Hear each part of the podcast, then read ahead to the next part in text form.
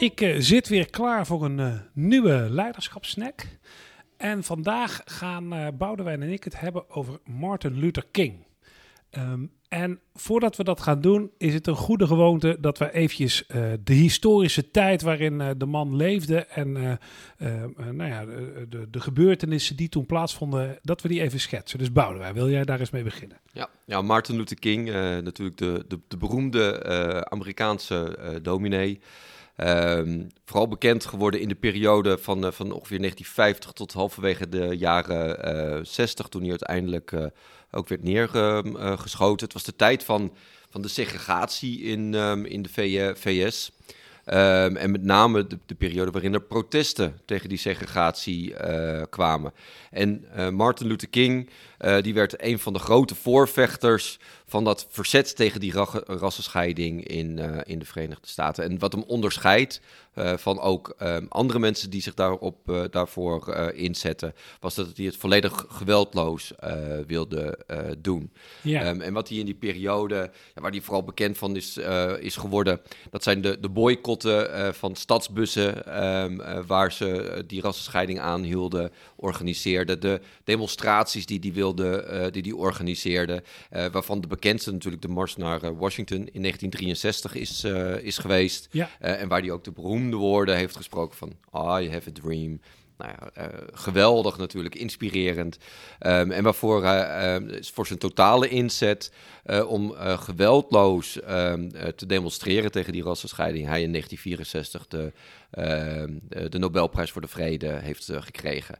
Um, het was echt in een hele ingewikkelde context hè, waarin dit allemaal gebeurde. Het is ook niet voor niks dat hij in 1968 uiteindelijk op zijn balkon is, is neergeschoten. Want veel mensen waren het gewoon echt niet met hem eens en verzetten zich ook tegen datgene waarvoor hij zich inzette. Ja. ja, en dat brengt denk ik ook wel de uitdaging waar hij voor stond wel mooi aan het licht. Hè? Um, want hij, hij probeerde Um, volgens mij had hij een paar dingen die het lastig maakten voor hem. Ten eerste is dat, dat hij iets probeerde uh, uh, uh, te bewerkstelligen. Waar gewoon een heel groot deel, met name in het zuiden van de VS, de blanke bevolking totaal niet op zat te wachten. Om het maar eventjes heel eufemistisch uit te drukken.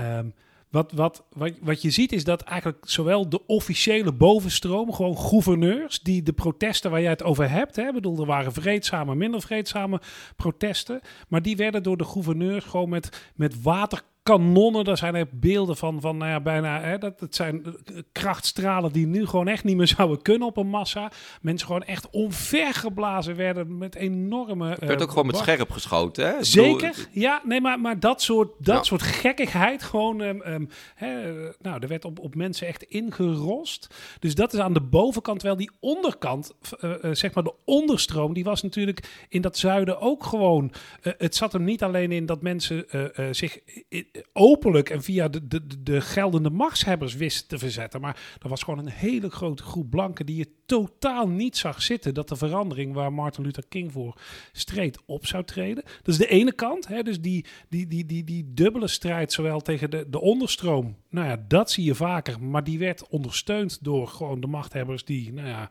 alles deden wat wij nu totaal onverantwoord zouden vinden. Um, maar daar zit ook in dat een deel van die uh, zwarte bevolking um, uh, het niet zo eens was met zijn uh, zeg maar vreedzame aanpak. er was ook een groep, Malcolm X, ja. een vertegenwoordiger ja. daarvan, die gewoon dacht: wij moeten dit bevechten. Want als we het niet bevechten, dan gaat het niet gebeuren. Ja. En dat was voor hem, denk ik, een ongelooflijk lastige klem waar hij ook in zat. Ja. ja, hij bleef inderdaad gewoon herhalen dat het echt alleen maar kon op de geweldloze uh, wijze. En dat is ook, denk ik, als je kijkt van ja, hoe, hoe bereikte hij nou eigenlijk wat hij bereikt heeft? Ja. Want hij heeft echt ja. gewoon effect uh, uh, gehad. met denk ik wel als hoogtepunt dat in 1965 Lyndon B. Johnson de Voting Rights Act um, tekende. Mm -hmm. Waarmee er geen onderscheid meer was tussen, rij, tussen rassen om te stemmen. Ja. Ehm, dat, dat, dat, dat heeft hij bereikt door elke keer die boodschap um, te herhalen. Ja. we moeten dit geweldloos moeten we dit, uh, dit doen met z'n allen. Hij had een hele consistente boodschap die hij elke keer maar weer um, inzette. Uh, uh, en hij liet, het, hij liet het ook zien. Ja. Bedoel, hij, ging, hij ging die straten op, hij liep vooraan in die uh, protesten. En hij zorgde ervoor dat dat ook vreedzaam uh, bleef. Met als hoogtepunt dus die mars naar Washington die, die, uh, die die organiseerde.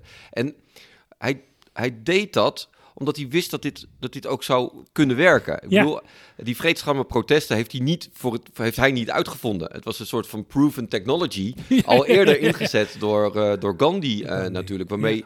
Uh, Gandhi destijds toch ook wel een belangrijke bijdrage aan de onafhankelijkheid van India heeft, voor elkaar heeft gekregen. Dus hij wist ook, dit kan gaan werken.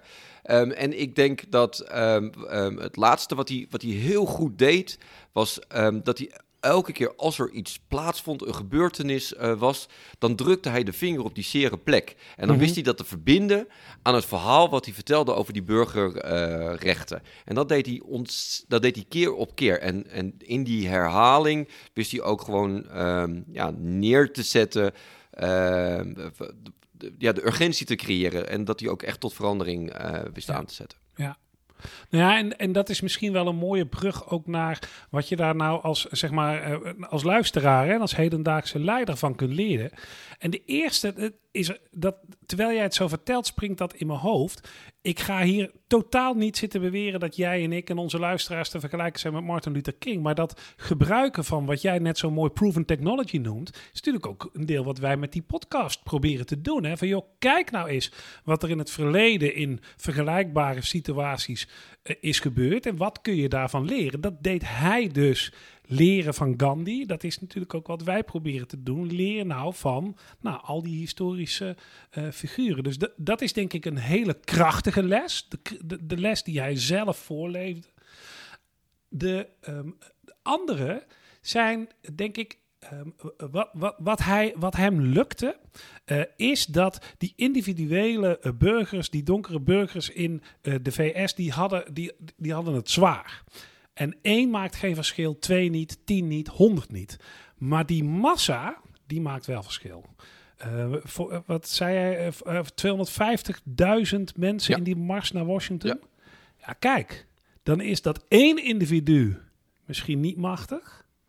Maar die massa van onmachtigen is wel machtig. En ik denk dat dat een mooie les is die je kunt leren. Van joh, het gaat er niet om wat jouw kleine groepje vindt. Maar kun je nou mensen vinden die met jou ook voor uh, nou, voor een deel van jouw zaak willen gaan staan.